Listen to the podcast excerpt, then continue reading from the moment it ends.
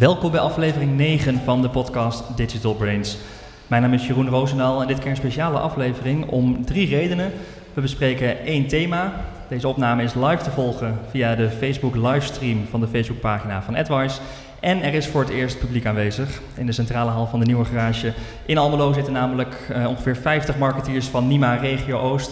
Van harte welkom allemaal. Uh, jullie hebben al een aantal kennissessies bijgewoond uh, en zijn daarmee al een beetje voorbereid op het onderwerp van deze aflevering. Want we gaan het in deze aflevering hebben over de marketeer van de toekomst. En misschien wel specifieker, uh, hoe zorg je dat je als marketeer toekomstproef bent en blijft? Nou, wil je meepraten, dan kan dat in de zaal door te gaan staan. Er komt een microfoon naar je toe. En uiteraard kun je ook meepraten via de Facebook livestream door daar te reageren. Um, over dat thema gaan we straks praten met uh, natuurlijk mijn vaste podcast buddy Niels. Welkom. Hi. Uh, Koen Kranenberg, hij is uh, Director Innovation and Disruption. Verantwoordelijk voor dat we als AdWise ook toekomstproof zijn en blijven. Waarbij kwaliteit en innovatie centraal staan. Dank je. Leuk dat je aansluit, Koen. En Evelien Knippers is net als Niels en ik account strategist bij AdWise. En in die rol spar je veel met marketeers op strategisch niveau en adviseer je ze over online en digital marketing. Je hebt net al wat sessies gegeven, dus ook leuk dat jij je hierbij wil aansluiten. Dank je. Gaan, ben, ben heel benieuwd naar jullie mening over, die, uh, over het centrale thema. Um, daar gaan we het straks over hebben, die houdbaarheidsdatum van de marketeer. Maar eerst het nieuws dat ons uh, afgelopen maand opviel. En um, wil ik eigenlijk beginnen met een bericht over Snapchat. De oprichter, Evan Spiegel van Snap, bedrijf achter de populaire tiener-app Snapchat, heeft toegegeven dat de app te moeilijk is voor veel gebruikers. En dat er daarom een make-over aankomt. Ik ben even benieuwd in de zaal, hoeveel mensen gebruiken Snapchat? Oké, en snappen jullie het ook of doen jullie maar wat? Oké, ik ben afgehaakt. Ik, snap, ik voel me al oud bij, bij, bij Snapchat. Um, maar goed, uh, uh, ja, Thijs trouwens, jij, bent een beetje de, de, de host hier van vanavond, de gastheer. Uh, en maakt geen onderdeel uit van het panel. Maar jij bent volgens mij binnen Headwise een van de weinigen die Snapchat heel goed begrijpt. Uh, even een vraag aan jou. Begrijp jij de kritiek op dat uh, gedrag, dat gebruiksgemak?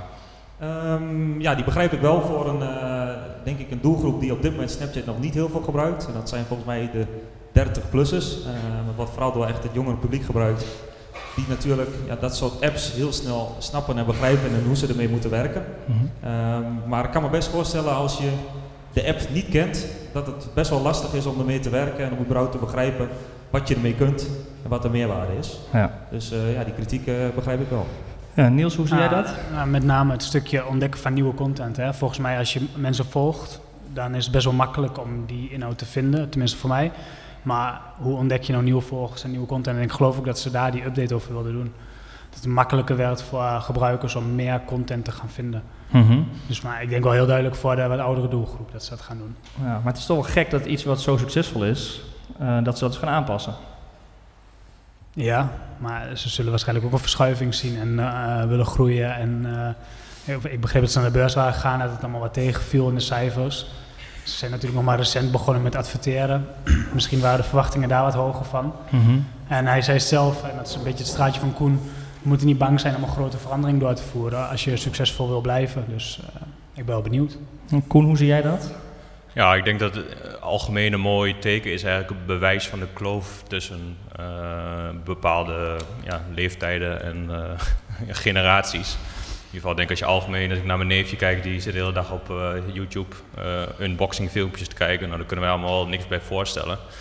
Geval, ik denk dat dat voornamelijk het mooie is wat dit aantoont. Eigenlijk de gigantische kloof tussen bepaalde generaties. En dat dat ja, dat dat binnen dit, net, uh, ja, binnen dit netwerk eigenlijk heel mooi wordt aangetoond. Dus ik denk ook wel voor grote bedrijven ook wel heel mooi. Ja, misschien is het ook wel mooi om dat soort jonge mensen, of in het algemeen jonge mensen in je boord te hebben. Ja, om ja, dit soort innovaties gewoon op, ja, te zien voor jou als groot bedrijf. Ja. Uh, wat, ik, wat ik wel grappig vond, is ze gaan een beetje in de tegenaanval op Facebook. Wat ze natuurlijk gekopieerd, uh, Snapchat werd gekopieerd door Facebook. Uh, en nu zeggen ze letterlijk in het artikel uh, de hoeveelheid content die Facebook aan een gebruiker laat zien op basis van de vriendenlijst is veel minder dan een gebruiker aan kan. En Snapchat zegt wij gaan gewoon veel meer content aanbieden die niet gefilterd is, zodat je zelf die filtering kunt doen. Ja, en ik denk ook Snapchat, die had natuurlijk als core dienst, zeg maar, gewoon het leuke, gekke foto's maken en die kunnen delen met je vrienden. Maar er moeten altijd op een of andere manier is de druk om nog veel meer aan te bieden binnen die app. En dat zag je bij Snapchat natuurlijk ook, wat het- waardoor het een stuk moeilijker tussen aanhalingstekens werd. Dus eh, ik ben zelf een van de gebruikers die ook uitleg nodig had van, eh, van Thijs. Voordat ik het snapte. Ja. Maar denk je dat ze, eh, want ze hebben natuurlijk best wel harde klappen gehad van Facebook, gaan ze het redden? Eh, ja, lastig natuurlijk, maar wat denk je? Ja, met een eh, core product denk ik wel dat het nog steeds onderscheidend is. Hoewel ik net in de presentatie ook liet zien dat Animojo's bijvoorbeeld eh, upcoming zijn. Eh, en dat, dat is ook van Snapchat weer een beetje gejat. Dus hoe Dat lang... zijn hoe- rare ico- ja, die, figuren die, die- die zeg maar dat je eh, inderdaad een eh, unicorn op je hoofd hebt die dan helemaal met jouw gelaatstrekken eh, eh, ja, kunt communiceren en daar een filmpje van maakt. Dus dat is wel weer afgeleid. Dus ja, in hoeverre ze dan nog onderscheidend zijn, vraag ik me af. Eh, maar goed, Hm. ja, het, aantal gebruikers is wel echt mega. Ja. Nou ja, ze gaan eh, in ieder geval iets grondig eh, eh, overhoop gooien. Heel benieuwd of ik het daarna wel begrijp. Er is ook iets wat ik totaal niet begrijp, maar maar één Snapchat-gekkie hier in het pand wat die bezit. Dat is namelijk de Snapchat-bril, de Spectacle. Ja, Thijs, het, het slaat niet aan voor Snapchat, die, die spectacles. Niemand, dat zijn die brillen waarmee je volgens mij ook video's op Snapchat kunt zetten. Ik zag jou zelfs bij volgens mij de, de Global Awards op het podium staan eh, met eh, zo'n spectacle op je, op je hoofd. Leg uit, wat is dat? Ehm, ja, dat is eigenlijk een manier om eh, vanuit een unieke view beelden te maken. In dit geval eigenlijk first person, dus vanuit het gezichtsveld van een persoon. Ehm, en ik begreep ook dat het inderdaad niet echt aanslaat. Eh, dat kan ik me op zich wel voorstellen, want het ziet er wel een beetje vreemd uit. Ehm, ik denk dat het in de toekomst die technieken wel verder gaan en dat dat ja, soort eh, devices misschien wel meer gebruikt gaan worden. Ehm, ja, en op dit moment valt het gewoon tegen en dat, eh, ja, dat is wel Snapchat jammer. Maar toch was dat het meest eh geliked en gedeelde filmpje van AdWise eh, Ja. over die uitreiking. Hè? Het is wel de leukste content, als je mij vraagt. Ja, het is wel uniek. Je kijkt echt door de ogen van Thijs eh, Ja. vanaf het podium. Ja, je kunt hele unieke beelden maken, dus dat, eh ja, het voegt zeker wel wat toe. Ja, ja. Maar eh, op zich wel logisch, hè, dat, dat bril opzetten, eh, de Google Glass, dat waren natuurlijk wel wat... eh, ja. vinden mensen moeilijk om te accepteren. Klopt. Ja. We gaan eh, door naar een ander social media eh, medium, Facebook. En er is een beetje een bus, zeg maar, in de, in de in, nou ja, bij in ieder geval onder consumenten.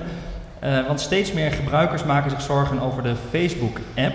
Deze lijkt namelijk permanent mee te luisteren met gebruikers. Het komt namelijk net iets te vaak voor dat men advertenties gereserveerd krijgt op basis van gesprekken en gebruikers worden daardoor argwanend. Zelfs als je de app niet gebruikt, zou, eh, eh, zouden ze toch mee kunnen luisteren. Evelien, jij bent van ons drie denk ik, of ons vier het meest eh, in de social media. Heb je dit al eens meegemaakt? Eh, nee, en ik geloof er ook totaal niet in. Maar Niels en ik eh, zijn het daarin niet met elkaar eens. Ah, ik wil niet zeggen Ik, dat ik het geloof, maar Nee, kijk, ja, ik vind het eh, ongeloofwaardig, meer vanuit technisch oogpunt. Kijk, als je de app niet aan hebt, ja, hoe dan? Ik bedoel, heeft Facebook je mobiel overgenomen, je microfoon overgenomen, buiten dat je een applicatie gebruikt? Vind ik een beetje ongeloofwaardig. En ja, waarom hebben we dat dan niet over Google gelezen? Want daar werk je ook daadwerkelijk met voice. Eh, dus wat dat betreft, zeg maar, vind ik het eh, ongeloofwaardig. En ik denk ook als je veel over dingen praat, dat je ook onbewust eh, naar die content zoekt en dat je die content consumeert. Dus ik geloof best wel over dingen dat ik praat, dat ik die in mijn tijdlijn heb, maar puur op basis van ja, wat andere ik interacties. zeg, hè? zeg Ja, maar, ja, ja. dat, dat geloof ik niet zo. Maar ik geloof wel dat consumenten onbewust ook naar die dingen dan op zoek zijn en dat Facebook dat wel opvangt. Ja, dan gaat er een verhaal rond van iemand die dus geen kat heeft en gewoon een aantal weken over kattenvoer gesproken heeft. Ja. Met de telefoon naast zich en de Facebook-app, eh, volgens mij aan of uit, maar in ieder geval. En die kreeg vervolgens kattenvoer-advertenties in zijn tijdlijn. Dus zo zijn er wat tests geweest, want ik praat over een heel ander, onderwerp en dan vervolgens krijg ik advertenties. En daarmee komen die geruchten. Ja. Niels? Ja, nou ja, ik, ik denk, ik geloof het ook niet, maar het kan natuurlijk wel. En ook technisch geef je onder water heel vaak via Facebook log je in bij een website of eh, een app en vragen ze vaak genoeg, hè, mag ik je microfoon gebruiken of kan ik je locatie zien? En dus ergens geef je misschien wel een toestemming. En ehm, nou, ik had het zelf toevallig, voordat ik die artikel las, vorige week, dat ik het gewoon hardop uitsprak tegen een vriend van mij van, goh, hoe kan dat? Ik heb hier alleen maar over gepraat en misschien inderdaad onbewust wel een keer op gezocht, eh, of noem maar op, of een keer op een advertentie geklikt erover. Maar het- ik kan me wel voorstellen dat ze het proberen, of dat het in ieder geval naar de toekomst toe dat ze het willen proberen. En ehm, ja, waarom, waarom niet? Als je bij Facebook een innovatieteam bent, waarom zou je het niet proberen bij een half procent van al je gebruikers? Ja. Blijf je een beetje onder de radar. Het is natuurlijk, eh, of nou waar, het is natuurlijk wel ze kunnen heel veel leren als ze meeluisteren. Ik weet bijvoorbeeld, het gaat ook het verhaal dat Google, misschien kennen jullie dat wel, hè, dat je ergens een formulier invult en dan moet je zeggen ik ben eh, niet een robot. En dan moet je aanvinken met uh, op welke plaatje staat een brug, of op welke plaatje staat een auto, of op welke plaatje staat een huisnummer. En daar wordt van gezegd dat Google dat niet doet omdat dat veiligheid is, maar vooral doet om hun als algoritme, algoritme te testen ja. en of ze dat kunnen gaan begrijpen, of het algoritme dezelfde plaatjes eruit had gehaald. Uh, en dat is natuurlijk wel een, een, slimme truc en daarmee Koen misschien ook wel om daar mee te luisteren met gebruikers en nou ja, te innoveren. Ja, zeker. Maar ik denk ja, als je heel algemeen naar dit onderwerp kijkt, dan ja, is dat Facebook die meeluistert. Maar thuis heeft, hebben heel veel mensen de Alexa al staan, de Echo Dot al staan. In ieder geval, die luistert sowieso al mee. Dus ja, in ieder geval, wat is het probleem? Dat wordt al gebeurd. Alleen hier het probleem is ook niet, maar als ze de data gebruiken voor advertenties, ja, dat is een, dat is een, twee, dat is een, mooie discussie, maar ik denk dat dat ook wel door de, algemeen door de bedrijven en ja, meer door de overheid uh, zou moeten worden aangepakt van wat doen we hier mee dan, uh, ja, dat daar, wij daar wat mee kunnen. ik denk dat het algemeen al bekend is ja, dat alle uh, assistenten altijd al met je meeluisteren. In ieder geval, ik denk dat we meer, ja, dat dat meer de overheid maar, is die daar wat over moet zeggen. Jij gelooft het niet? Geloven. Ik weet dat de Russische inlichtingendienst dit kan. Dus ja, goed, dus zullen zij het niet. In ieder geval, uh, maar ja, goed, in ieder geval, uh, ja, dat is denk ik het hele privacy-vraagstuk. Ja, ja, misschien zijn wel. Maar in de zaal ook niemand die ooit het idee heeft gehad? Er was een hele discussie over, over WhatsApp-content die werd gebruikt om uh, Facebook-advertenties te targeten. Er was heel veel gedoe over. Dit is natuurlijk nog een stap verder. Ja, herkent iemand het gevoel dat je dus advertenties in je tijdlijn ziet over iets waar je misschien net over gesproken hebt? Nee, nog niet. Nee. Nou, ga maar, maar opletten. Ik ben benieuwd. Dat was een handje. Ik vind het ook wel heel gevaarlijk trouwens. Oh, sorry. Nee, ik bedoel, uh, stel uh, een, uh, een, vriendin van mij heeft net een baby gekregen en daar hebben we het heel vaak over. En ik krijg allemaal ads over, ja. over de maxicosi. Ja, dat is helemaal niet relevant. En hoe snel zeg maar is het niet relevant? Ik denk dat het best wel snel is. En op basis van echt je zoekgedrag, dat is echt jouw gedrag. En natuurlijk kan ik ook wel een keer zoeken op een kraamcadeautje. Mm maar dat, ja, dat afluisteren, je hebt het over honderdduizend dingen uh, iedere dag. En ook wat er dat moment leeft, maar dat hoeft niet in jouw eigen leven te zijn. Oké, okay, nou, ik ben wel benieuwd of die situatie, of, die, of je die wil delen. Ja, Thijs had niet door wie het was, hè? die was druk op social Thijs met de microfoon eventjes uh, daar naartoe. Ik heb een keertje gehad dat ik aan iemand vroeg van, goh, waar heb je die leuke trui vandaan? En dat ik echt niet daarop had gezocht en dat ik een half uur later dus in Facebook op mijn laptop een ad kreeg met die trui. Ja. Dus dat is wel een beetje... Zie je Evelien, ze doen het toch. ja. Toeval? Okay. Ja, ik, ik, denk, ja dat, kan, dat lijkt me wel toeval. Of je nee, hebt precies gezegd, oh die trui, met ja, maar kan natuurlijk ook een look, uit, die vriendin van jou online Een lookalike audience. ja. Online besteld, weet je niet. Nee, maar die verhalen gaan dus inderdaad. Dat, dat, dat is wat, nee, we gaan het in de gaten houden. We gaan er zeker in deze podcast uh, wellicht weer op terugkomen als we meer voorbeelden hebben. Maar ik vond het voorbeeld van het kattenvoer. Uh, uh, nou ja, we gaan de linkjes ook in de show notes zetten. Dan kun je, kun je het zelf teruglezen als je er meer over wilt weten. Um, daarmee ronden we dit onderwerp af, de nieuwsonderwerpen. We gaan het hebben over de, het centrale thema. de marketeer van de toekomst. Of ik zei net al misschien specifieker. hoe zorg je dat je als marketeer toekomstproof bent en blijft? Wat ik wel leuk vind om even te delen. En, um, uh, een stukje tekst wat tegenkwam dat in de industriële tijdperk bestonden bedrijven tientallen jaren. Uh, de concurrentie was toen beperkt en het was niet eenvoudig voor nieuwe spelers om een bestaande markt te betreden. Maar dat is inmiddels veranderd, dat merken wij natuurlijk dagelijks. Uh, en wat wel een mooi feitje was, dat in 1960 was de gemiddelde levensduur van een bedrijf 60 jaar. En dat is nu nog maar 18 jaar. Dus dat is niet, meer, niet eens meer de helft van een werkende carrière van een mensenleven. Uh, blijkt uit het boek Digital Transformation, daar kom ik dat tegen. Um, en ook uit een, maandelijkse MKB-monitor blijkt dat 6 van de 10 MKB'ers niet weten of zij in staat zijn nieuwe kansen te grijpen. En ze maken zich dan ook zorgen over de toekomstbestendigheid van hun bedrijf. Bijna 1 op de 4 ondernemers met 1 tot 250 medewerkers geeft aan dat ze zich regelmatig tot heel vaak zorgen maken over de komende jaren. En de vraag is natuurlijk, wat kun je daaraan uh, als marketeer aan doen? Uh, zorg dat je voorop blijft lopen in plaats van dat je ingehaald wordt. Nou, daar gaan we het over hebben. En zoals gezegd, reacties uit de zaal zijn van harte welkom. Uh, en je kunt gaan staan en dan komt de microfoon of reageren via de Facebook livestream. Ik ben even benieuwd naar jullie drie hier aan tafel, Niels, Evelien en Koen. Wat zijn volgens jullie een beetje de skills die je als marketeer nu en in de toekomst moet hebben? Bij jou te beginnen, Niels? Heel veel, denk ik. Maar um, het belangrijkste is creativiteit en daadkracht, denk ik. En dan kwam ik volgens mij wel een beetje terug in de prestatie van Koen en Daan. creatieve ideeën kunnen verkopen, daar gaat het eigenlijk om. Want uiteindelijk worden producten en diensten online heel snel vrij plat. En dan gaat het erom, wat doe jij nou om er toch uit te springen? En uh, enerzijds om dat voor je gebruikers of je bezoekers te doen, maar anderzijds natuurlijk ook om dat intern aan stakeholders van de organisatie waarvoor je werkt uh, te verkopen. Hm. Ja, ja dat, daar ben ik het heel erg mee eens. Dat merk ik ook bij mijn klanten, zeg maar als mijn contactpersoon, dat is vaak uh, de marketeer, als die geen overtuigingskracht heeft, maar ook geen kennis zeg maar, van wat we willen, uh, dan, dan kan die het ook niet overbrengen bij de directie. En dat maakt het vaak heel erg lastig.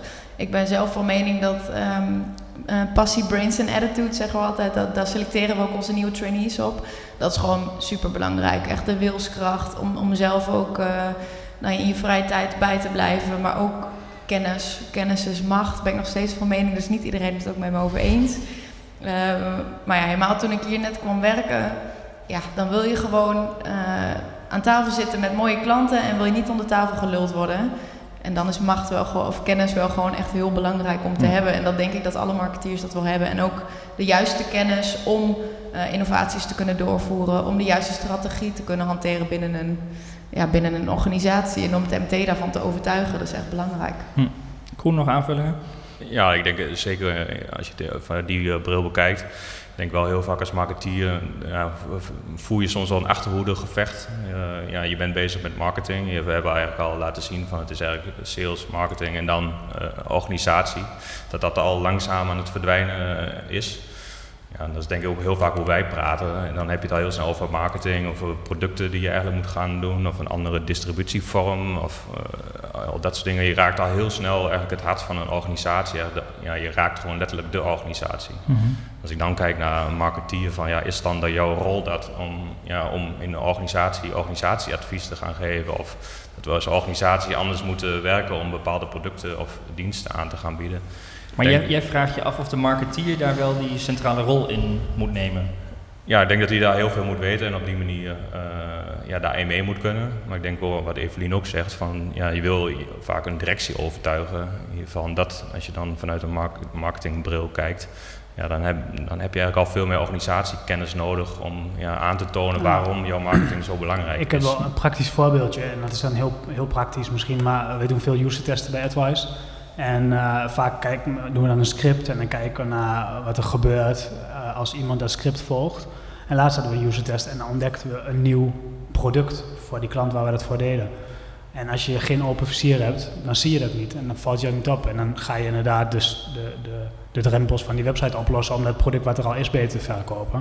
Maar in dit geval was het heel zinvol om voor te stellen om een nieuwe dienst of een nieuw product ja. aan te bieden. Nou, ik hoorde laatst in ieder geval de uh, marketeers, die hadden, de ene marketeer had als KPI om zoveel mogelijk uh, gebruikers naar de website uh, te leiden. En een andere marketeer had als job om de conversieratio uh, zo goed mogelijk te krijgen. Vooral eigenlijk twee marketeers die twee KPI's hadden. Nou, wat deed die ene marketing? een persoon die is dus als KPI had zoveel mogelijk gebruikers naar zijn website trekken. Nou, die ging de blog op de website integreren. Nou, super veel gebruikers, super mooi, helemaal fantastisch. Maar ja, zijn collega die over de conversie ging, in ieder geval, die had natuurlijk een probleem. En er kwamen heel veel gebruikers die voor die content kwamen, maar niet voor het product. Mm -hmm. En eigenlijk als je er al zo naar kijkt, dan denk je, ja, waar ben je dan aan, met, als CMO uh, qua KPI's mee bezig? Want eigenlijk, ja, je doet het dan niet meer voor de eindgebruiker. Of voor je ja, echte doel is gewoon geld verdienen. Ja. In ieder geval, maar je bent eigenlijk aan de onderkant ja, gewoon op een oud model in je organisatie aan het voeren. Ja. En dan heb ik wel eens een medelijden dat ik denk van, joh, maar dat is een oh, beetje dat ja. middeltjes denken. Hè? En dat is ook een beetje waar Evelien en ik een discussie over hebben. Welke kennis moet je dan hebben? Ja, wat Evelien zegt, je moet heel veel kennis hebben. Kennis is macht, maar ja. ben jij niet... Nou ja, tot op zekere hoogte wel, maar waar nu heel veel naar wordt gekeken is inhoudelijke kennis. Hoe maak je de beste AdWords campagne? Of ben ik een SEO-specialist of uh, conversieoptimalisatie? Maar dat speelveld is veel breder en je kunt niet meer, tenminste als we het over nu hebben nog gewoon, maar over de toekomst in mijn ogen steeds minder. Nee, maar kennis op specialistenniveau, dat, uh, dat is ook niet de kennis die ik bedoel. Maar als jij een goed advies wil geven, ook als jij een directie wil overtuigen, maar je weet überhaupt niet welke mogelijkheden er allemaal zijn mm-hmm. binnen bepaalde platformen, ja, hoe ga je dan het juiste, de juiste strategie überhaupt bepalen? Dat is ja. meer wat ik bedoel. Maar ik heb nog wel een vraagje voor Koen. Want jij zegt eigenlijk, maar, uh, marketeer zeg maar, met de, in het huidige, met de huidige werkzaamheden en de directie, daar zit eigenlijk nog wat tussen volgens mij. Want En betekent dat niet eigenlijk dat de dat marketeer achterhaald is of dat de, dat, de, dat de functienaam misschien moet veranderen? Want als marketeer ben je niet meer bezig met welke marketingmiddelen ga ik inzetten, maar hoe ga ik uh, ja, de hele digitalisatie van de organisatie uh, hoe ga ik die organisatie daarin meenemen? Dat vind ik ook steeds een meer belangrijke rol. En dat merk ik ook bij mijn uh, contactpersonen. Die, die zijn niet meer middelen aan het managen, maar die zijn gewoon echt aan het kijken van inderdaad welke nieuwe producten zijn er nodig. Uh, welke, welke stappen moet, moet het bedrijf maken om over vijf jaar nog, nog mee te kunnen. Dat zijn ook echt keuzes die marketeers van vroeger zeg maar niet hoefden te maken, denk ik. Beetje business innovation echt ja. wel. ja, ja dat, nee, maar dat is denk ik de spijker op zijn kop. In ieder geval, dat ligt er natuurlijk aan hoe groot een organisatie is en hoe je dat opbouwt. Um, ik denk als we kijken naar onszelf bijvoorbeeld, dan heb je ja, hoe je traditioneel natuurlijk gewoon je organisatie opbouwt van visie, missie en je productstrategie en uh, je marktstrategie enzovoort. In ieder geval eigenlijk over de hele schaal van boven naar beneden zou je een redelijk idee moeten hebben waarom je iets doet. In ieder geval dat je dan aan de onderkant die keuzes kan maken. Maar wij wel eens heel simpel zeggen, je moet gewoon houden van je klant, uh, weten wat er mogelijk is en dan op, ja, met al die kennis eigenlijk een ja, seamless experience aanbieden. Mm -hmm. Dat het gewoon allemaal super makkelijk wordt en eigenlijk elke hobbel weg wil nemen ja, om de conversie ja, op te drijven en eigenlijk dat het steeds makkelijker wordt. Ja, maar een risico voor marketeer van de toekomst. Oh.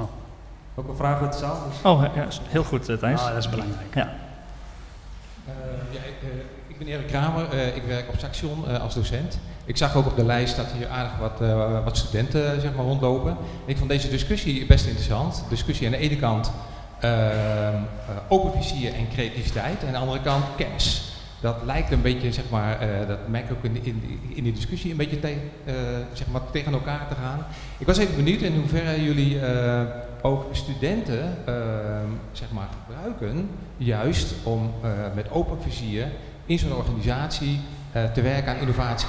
Ja, mooie, goede vraag, dankjewel. Evelien, jij hebt het meest met de studenten en de trainees te maken binnen ja. Twice. Ja, kijk, weet je wat het, uh, wat het is? Ik vind ook open vizier en creativiteit is ook een beetje... Dat zit in je of dat zit er niet in. Wil je innoveren? Wil je, ben je nieuwsgierig? Wil je veel kennis? Wil je veel, of kennis zou ik dan even weglaten als woord, maar wil je veel leren? Wil je zeg maar die, die, die opportunities kunnen signaleren, wat, wat Niels net zegt? Maar dat, dat is heel moeilijk aan te leren. Dus zeg maar, als studenten hier komen, dan is het toch wel makkelijk om ze skills te leren, om ze praktijkervaring, om ze, om ze uh, de theorie van user testing te leren, om ze de mogelijkheden met Google, Facebook, om ze toch wel die, die basiskennis zeg maar, te leren. En pas eigenlijk later, ook als ik voor mezelf spreek bijvoorbeeld, ja, je hebt eerst zeg maar die basis, je weet hoe alles werkt, en pas later ga je eigenlijk je oogkleppen afdoen en kun je ook die kansen signaleren en word je wat strategischer. Maar daar heb je wel een bepaalde fundering voor nodig. Dus qua, voor studenten zeg maar, denk ik dat het helemaal niet verkeerd is om wel iets meer op praktijkniveau zeg maar, te zitten. En ik zou zelf ook niet weten hoe we studenten kunnen leren om een open vizier te hebben. Dat is best wel moeilijk, net als dat je moet nou, leren om creatief te denk, zijn. Ik denk wel, want op Saxion zijn heel veel discussies over. Hè? Hoe, hoe, moeten we dan lesgeven en uh, wat voor een vakken moeten we dan geven. En voor mijn gevoel heb je een beetje zachte en harde skills. En zachte skills in mijn ogen zijn dan nieuwsgierigheid opwekken, creativiteit. Ja, maar dat zit in je. Ja, maar ja, dat kan wel dat heel makkelijk door kijk je in de keuken. Zoveel mogelijk bij bedrijven in huis kijken of bij een bureau waar heel veel klantcases liggen. En altijd werken vanuit zo'n zo'n business case. Ja, En ik denk ook wel dat het algemeen zit in de bedrijven en de cultuur van het bedrijf zelf. Van mag jij fouten maken? In ieder geval word je heel erg gestuurd. Ja, maar dat mag je vrij. mag dat toch doen, als je die case goed selecteert. Ja, maar dat is meer in de algemeen aan bedrijven. Van joh, in ieder geval eh, jonge mensen, daar kun je heel veel aan hebben. Maar dan moet je ook wel eh, het- de ruimte en het podium bieden om een keer een fout te maken. Ja. En een keer ergens een beetje te Nou ja, en, en, experimenteren. en ik denk ook wel, dat was meer ook volgens mij het idee van de vraag, dat je de, je moet ze ook niet volledig die rugzak gaan vullen met hoe wij denken en hoe wij willen dat ze gaan werken. Want dan sla je ook alle creativiteit en alle innovatie er wellicht uit. Je, de kracht zit ook misschien juist dat ze Ja. anders denken. Ja, Ja, maar we en- laten ze ook wel vaak zwemmen. We Maar- hebben- maar- ja, Kijk eens naar de mensen die hier nu uh, traineeship gaan doen. ja, Eh, voor twee jaar geleden waren dat alleen maar commercieel economie studenten. ja. En, eh, en dat is nou net de opleiding waar het misgaat tussen aanhalingstekens. Hè. Daar is heel eh, laag eh, commitment om die opleiding te gaan doen. Heel anders dan Als je iemand- niet weet wat je wil gaan doen, ga je Iemand die kiest voor economie fysiotherapie, die kiest heel bewust voor fysiotherapie. En commerciële economie is alles wat er overblijft. En dat zijn wel de mensen die dan de marketeers van de toekomst moeten worden. Maar degene die dat winnen, ik heb zelf ook commerciële economie gedaan. Er is dus nog hoop. Nee, maar degene die dat winnen, zijn wel de mensen die, wat Evelien zegt, de passie hebben, de brains hebben en, de- en met name ook de attitude hebben. En dus nieuwsgierig zijn Ja. die eh, durven, die ook niet bang zijn om een fout te maken. Ehm, en dan kun je winnen. En dan zie je dat nu de diversiteit aan opleiding en ook het niveau van opleiding veel groter is geworden bij Advice. Ja. ja, en toch ik, strategisch inzicht mensen die bijvoorbeeld. journalistiek hebben. Strategisch inzicht, dat is echt wel moeilijk aan te leren. Mijn moeder vraagt mij altijd, eh, dan vertel ik weer wat over werk. En ja, maar hoe weet je dat dan? Heb je dat op school gehaald? Dat heb je toch niet?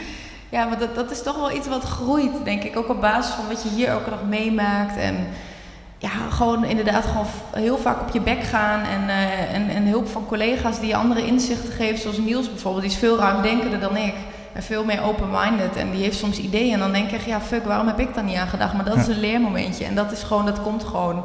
Dat, dat is niet als je afgestudeerd bent dat je dat hebt, Dat denk ik. Nee, maar ook dat is gewoon eh, praktijkervaring, zeg maar. Dat is gewoon lang zitten. Dat is ook niet iets wat je hebt als je net van school komt, bijvoorbeeld.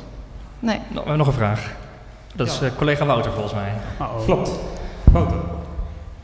Ehm, ja, een van de, van de specialisten die, eh, die ik volg vanuit mijn vakgebied is eh eh Simon, Simon Ava. Ja. AdWords en Eh, Analytics doe jij, hè? Ja. Ja, precies. Eh, een van de ehm, eh, statements die hij laatst maakte is dat eh, de niet-technische marketeer dat die langzaamaan verdwijnt. Dat ehm, je als marketeer steeds technischer moet worden. We werken met tracking scripts, eh, we voeren wijzigingen door in code. Eh, we werken met artificial intelligence, machine learning, automation, al die dingen. Nou, hoe denken jullie daarover? Zijn we over een paar jaar allemaal eigenlijk halve programmeurs als marketeer? Nou, ik denk dat dat juist eh, in ieder geval ook ons verhaal was. In ieder geval heel veel problemen en heel veel eh, ja, doelen die we willen bereiken, die ga je op een technische manier fixen. In ieder geval op digital vlak. Ja, dus eigenlijk moet je, wat wij willen zeggen, je bent met z'n allen een mooi gerecht aan het eh, bereiden. Ja, en hoeveel, hoe meer kennis je hebt van ingrediënten en dat je weet van oh, hoe smaakt dat en hoe is die smaak met die smaak. In ieder geval, ja, dan kun je natuurlijk steeds een beter gerecht maken. Maar is die focus op, op eh, die techniek en algoritmes en al die intelligentie, is dat niet een risico om je daar als marketeer in te gaan ontwikkelen? Want dat is een, een tijdelijk iets. We gaan toe naar een, een, een tijd waarin dat, waarin dat juist, hè, waar eigenlijk volledig rationeel eh, Ja. te beredeneren is en te programmeren is, wat vervangen kan worden door Ja. eh, artificial intelligence, door gewoon eh, computers en waar we als mens niet meer bij betrokken hoeven zijn. Als je praat over de toekomst, van nu tot een jaar, denk ik dat Wouter wel een punt heeft. Dat het heel waardevol is als je technische kennis hebt, als je een script kunt schrijven, als je dingen die je normaal handmatig doet kunt automatiseren. Maar over drie jaar niet. Ja, ik denk als je algemeen binnen AdWise kijkt, in ieder geval, ja goed, eh, bestaan 12 jaar is relatief kort. Maar als je kijkt hoeveel eh wentelingen en in ieder geval en hoeveel nieuwe dingen we hebben geïntroduceerd. eh, ja goed, en dan kijk je ook wel eens van, joh, kan iedereen dat wel aan, al die verandering? En ik denk dat dat de kracht is van een nieuwe marketeer, dat je gewoon wendbaar bent, dat je T-shaped bent, dat je snel nieuwe dingen adopteert, dat je ervoor open staat. Maar ik merk dat je begrijpt hoe het werkt, Precies. dan dat je het zelf kunt. Ja, lezen ja. is wat anders dan, eh, dan het ook echt schrijven. Ja. En ik vind wel, geen van mijn eh, klanten die, die heeft heel veel technische kennis. En tot nu toe missen ze dat ook nog niet. Maar het maakt het wel veel makkelijker zeg maar, om, ehm, om mee te denken met bepaalde processen, denk Ja. ik. Ah, ik wil even een bruggetje maken ook naar de manier van werken. Hè.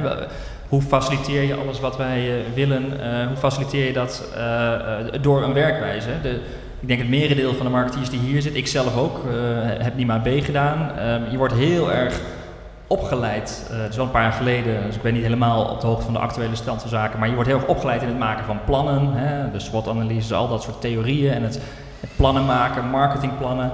Terwijl nou ja, volgens mij wij allemaal in de praktijk zien dat plannen na drie maanden al compleet achterhaald kunnen zijn, omdat je gewoon ingehaald wordt Ja. door de realiteit. Eh Ja. eh, Koen, hoe zie jij dat? Hoe moet je daarmee omgaan? Ja, ik denk algemeen, als je kijkt van de organisaties zoals nu, ze noemen ze ook wel eens or- eh, oranje, oranje organisaties, heel erg hiërarchisch gedreven, vaste procedures, bladibla. In ieder geval, je kunt het al bijna soms zien als een fabriek die processen standaardiseert. Nou, je kunt je al nagaan dat dat niet eh, wendbaar is, heel simpel gezegd. Ik denk waar wij in geloven is wel gewoon echt organisaties die een heel duidelijk doel voor ogen hebben. Een hele duidelijke missie hebben waar ze als bedrijf voor willen gaan. En als advisor willen we gewoon heel graag die impact en eh, ja, gewoon die businessambities van onze klanten realiseren. En dat staat bij ons altijd voorop. Wij hoeven ook niet te kijken naar concurrenten, want dat is wat wij willen. Maar het- En ik denk dat dat eh, eigenlijk het, nog wel het meest belangrijke is. En dat als je dan ook naar marketeers kijkt en waar sta je dan in de organisatie. Dat, dat gewoon de oudere mensen die een duidelijke visie ontwikkelen van hoe- wat willen wij voor onze consumenten of, of voor onze klanten nou realiseren. Waar, waarom, waarom bestaan we als bedrijf? En eigenlijk zo simpel maken om daar elke dag in ieder geval ook met korte plannen aan te werken van hoe je dat eh, voor elkaar krijgt. En dat Maar wel die stip op de horizon hebben. Stip op de horizon. Ik vind dat Nou, het mooiste maar- voorbeeld van Sonos. In ieder geval eh, die, Ja, de, eh, de muziek. eh, ja, met, met die box. In ieder geval toen de eerste versie eh, op tafel kwam als prototype. Nou, toen werd dat gepresenteerd. Nou, mooi, mooi, mooi. Nou, vroeg de directeur dat knopje, waar, waar is dat voor? Ja, dat is de resetknop. Want als hij het niet doet, dan, dan kun je daarop klikken. En waar we of die man zei, hoezo resetknop? Hij moet het gewoon altijd doen. En eigenlijk zie je vanuit dat bedrijf en vanuit die visie dat eigenlijk het product zo ontwikkeld is. Hij doet het altijd. mhm. Vervolgens is het doorgetrokken naar de klantenservice. Je wordt al perfect geholpen. Ze weten alles van je, van je apparaat. En ik denk als je dan die, met die bril naar marketing kijkt, dat je gewoon de hele experience van begin tot eind en de missie van jou als bedrijf, eh, ja, dat je daarvoor gaat, dan is het aan de ene kant ja, denk ik heel makkelijk. Maar aan de andere kant moet je wel weten welke recepten je eigenlijk in de keuken hebt staan om dat allemaal te fixen. Ja. ja, en waar begin je dan? Want ik denk dat dat ook een beetje jouw vraag is van als marketeer.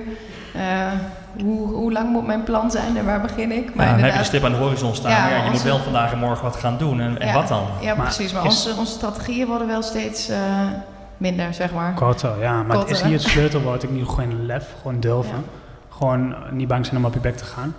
Dat je zegt, eh, een prototype bedenken of een campagnestructuur bedenken of eh, eh, de visie is dit en dit is de eerste stap daarnaartoe gewoon doen. Maar dat is dus ook wat minder onderzoekend en analytisch, Ah, maar ook een stukje onderbuikgevoel en, Een en gevoel lef. worden, Durf. plannen korter. Ja. Nou, ja, gevoel kun je natuurlijk wel heel erg met data eh, fixen op dit moment.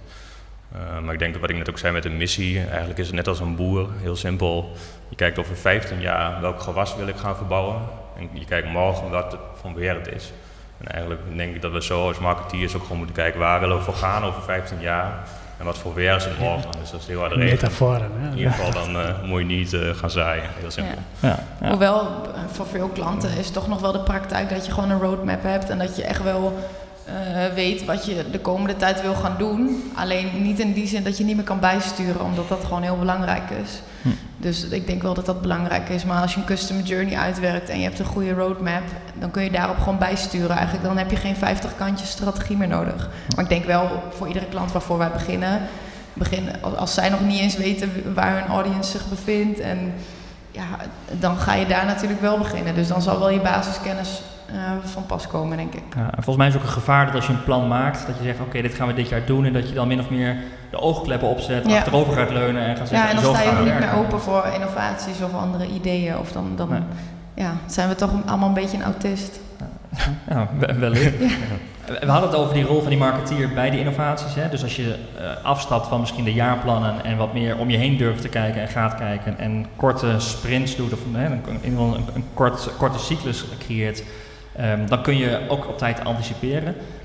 Is binnen organisaties, ook als je kijkt naar digitale transformatie, eh, en Koen zei net al een beetje van de vraag of de marketeer dat moet doen, maar de marketeer heeft toch juist de kennis van de interne organisatie en misschien wel de meeste kennis van de, eh, de externe stakeholders, de klanten, eh, de, de, de markt, wat daar gebeurt.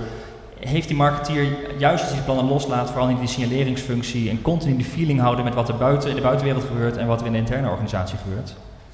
Hoe zie dat? Ja, ja, zeker. In ieder geval, ik denk, mm, wat je ook wel vaak ziet, de CMO. Van goed, daar vaak naast zit vaak de CIO die eh, over alle techniekjes gaat enzovoort. Dus dat is wel een spanningsveld. In ieder geval, wie krijgt dan zijn zin? Even, eh, in ieder geval, dat is dan ja, eigenlijk te langzaam. Eh, ik denk dat het daar meer zit. In ieder geval, zoals wat wij zelf al vaak zeggen, ja, je moet eigenlijk iemand aannemen die een beetje tussen de, direct, tussen de CEO zit en, eh, en, en het board. Die Mhm. eh, gewoon over de hele keten heen kijkt van is het nou wel handig hoe we dat doen. In ieder geval, ja goed, het is een beetje gehyped allemaal, de CDO. eh, ja, die eigenlijk daarnaar kijkt van, joh, in ieder geval is het nou wel handig dat die afdelingen zo werken. In ieder geval, dat kan een, een CMO niet doen. Die kan niet een afdeling opheffen of samenvoegen. Nee. Dus dat is wel, zijn we ja, wel andere machten voor nodig, denk ik. En dat is denk ik, ja, ieder geval die CMO heeft ook wel genoeg te doen. In ieder geval, eh, Ja, veel te dat is veel. denk, ja, Ja, maar eh, Ja. Er, er gebeurt gewoon heel veel in het marketingvak. En dan hebben we het ook nog een keer over dat er eigenlijk geen rust is om een jaar lang eenzelfde koers eh, te gaan varen. Hè. Je moet steeds switchen, switchen, switchen. Toch is focus en ehm, hè, ook even iets doen met een iets langere adem, eh, er even goed over na kunnen denken. Natuurlijk ook wel cruciaal voor het succes van campagnes. Ik bedoel, Niels, nou ja, in ons vak, we, we rennen soms als, eh, als dolle honden door. Ik door niet, ja. Oh. Niet het meest van allemaal volgens mij.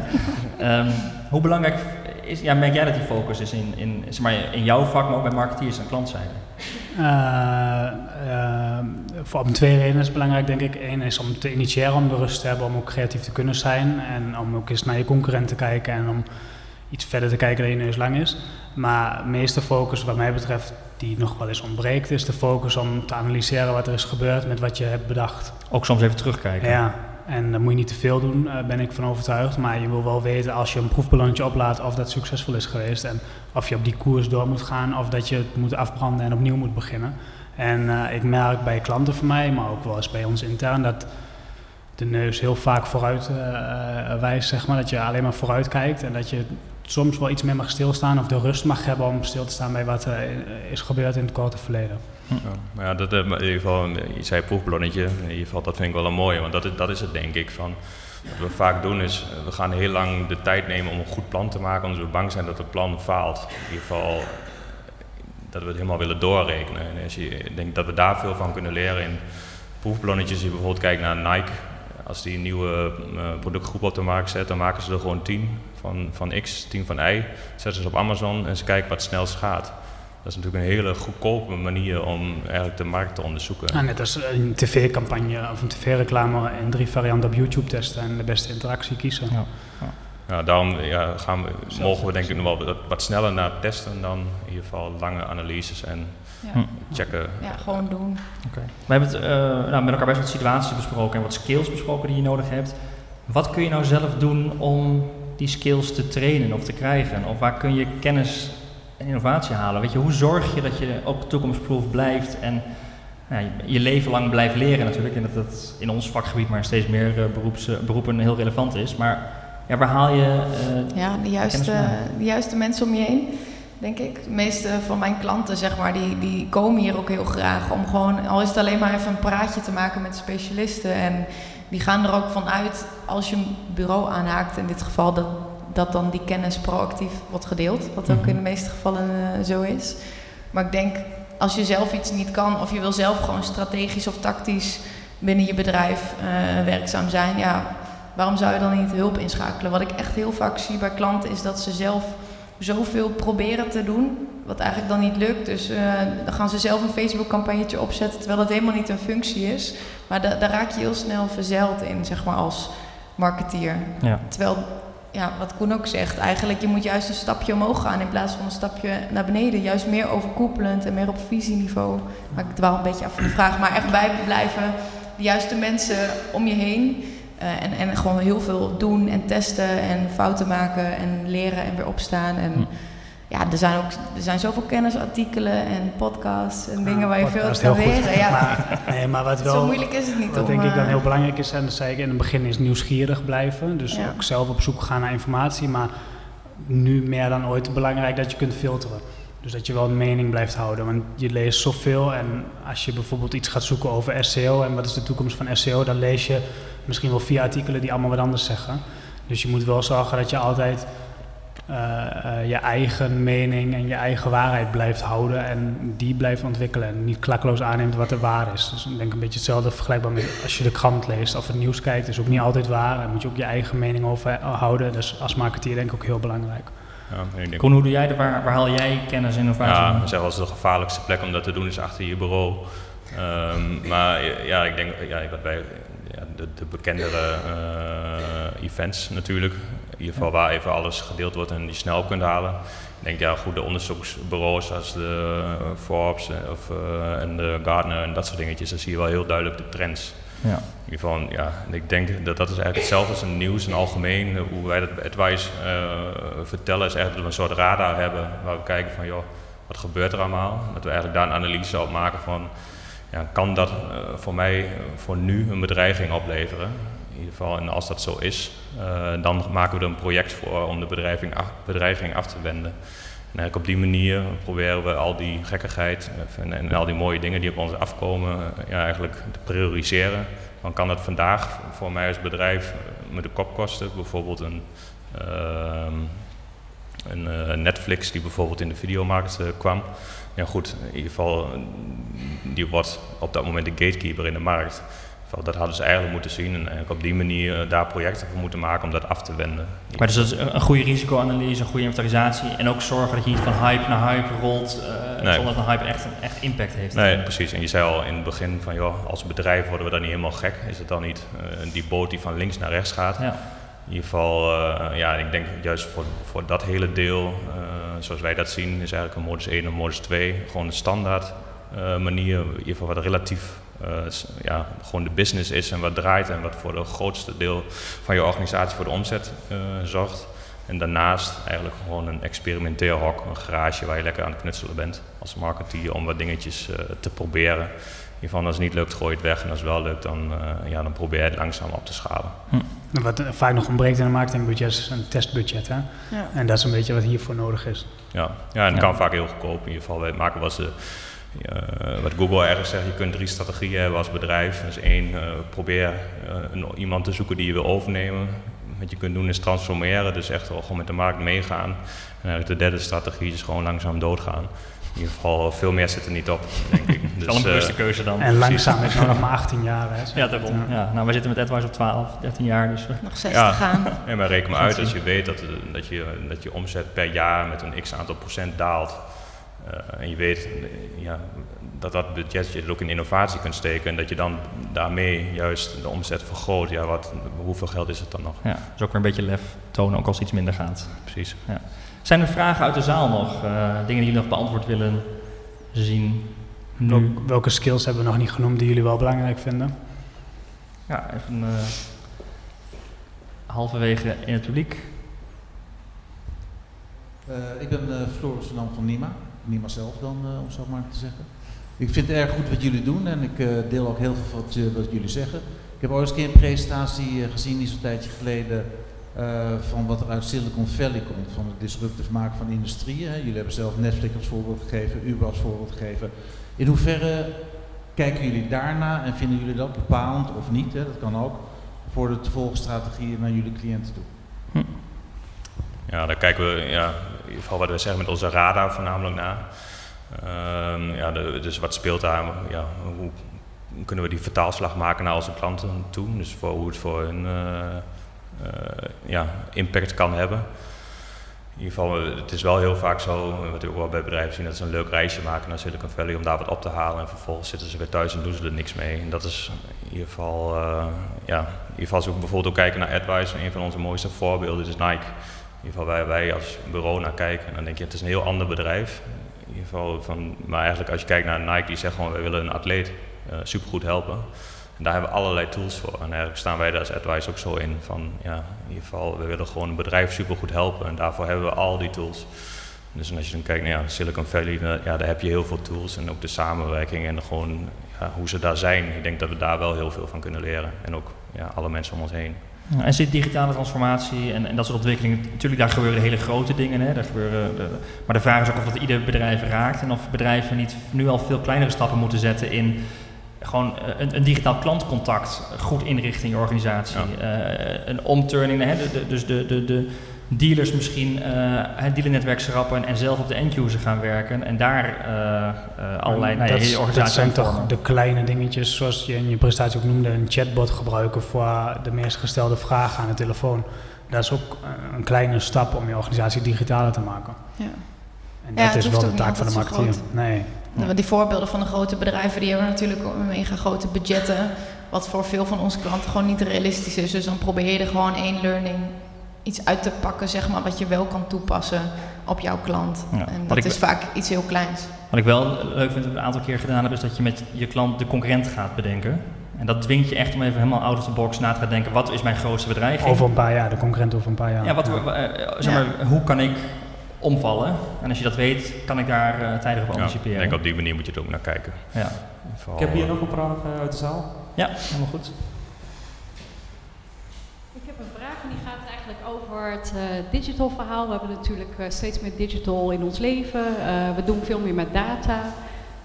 Stapje voor stapje zoeken we daar ook grenzen op. Ehm, een onderwerp wat ook nog wel aan de orde komt en wat bij skills voor marketeers wel besproken wordt, is het thema ethiek en integriteit. Ehm, hoe zien jullie dat eigenlijk in de toekomst en de rol die jullie bijvoorbeeld hebben in advies? Besteden jullie daar ook tijd aan? Eerlijk gezegd uh, weinig. Um, wat wel meer zou moeten. Ik denk wel, je ziet wel heel vaak zeg maar als er bepaalde grenzen worden overschreden, zoals nu bijvoorbeeld met Facebook, dat meeluisteren, dat heeft daar natuurlijk ook wel mee te maken. En dan zet het je wel weer aan denken. En ik denk dat consumenten op een gegeven moment zelf, um, ja, dat er op een gegeven moment zelf zeg maar die weerstand wel komt. En dat zie je nu ook een beetje tegen de, de mobiele telefoon, tegen dat gebruik.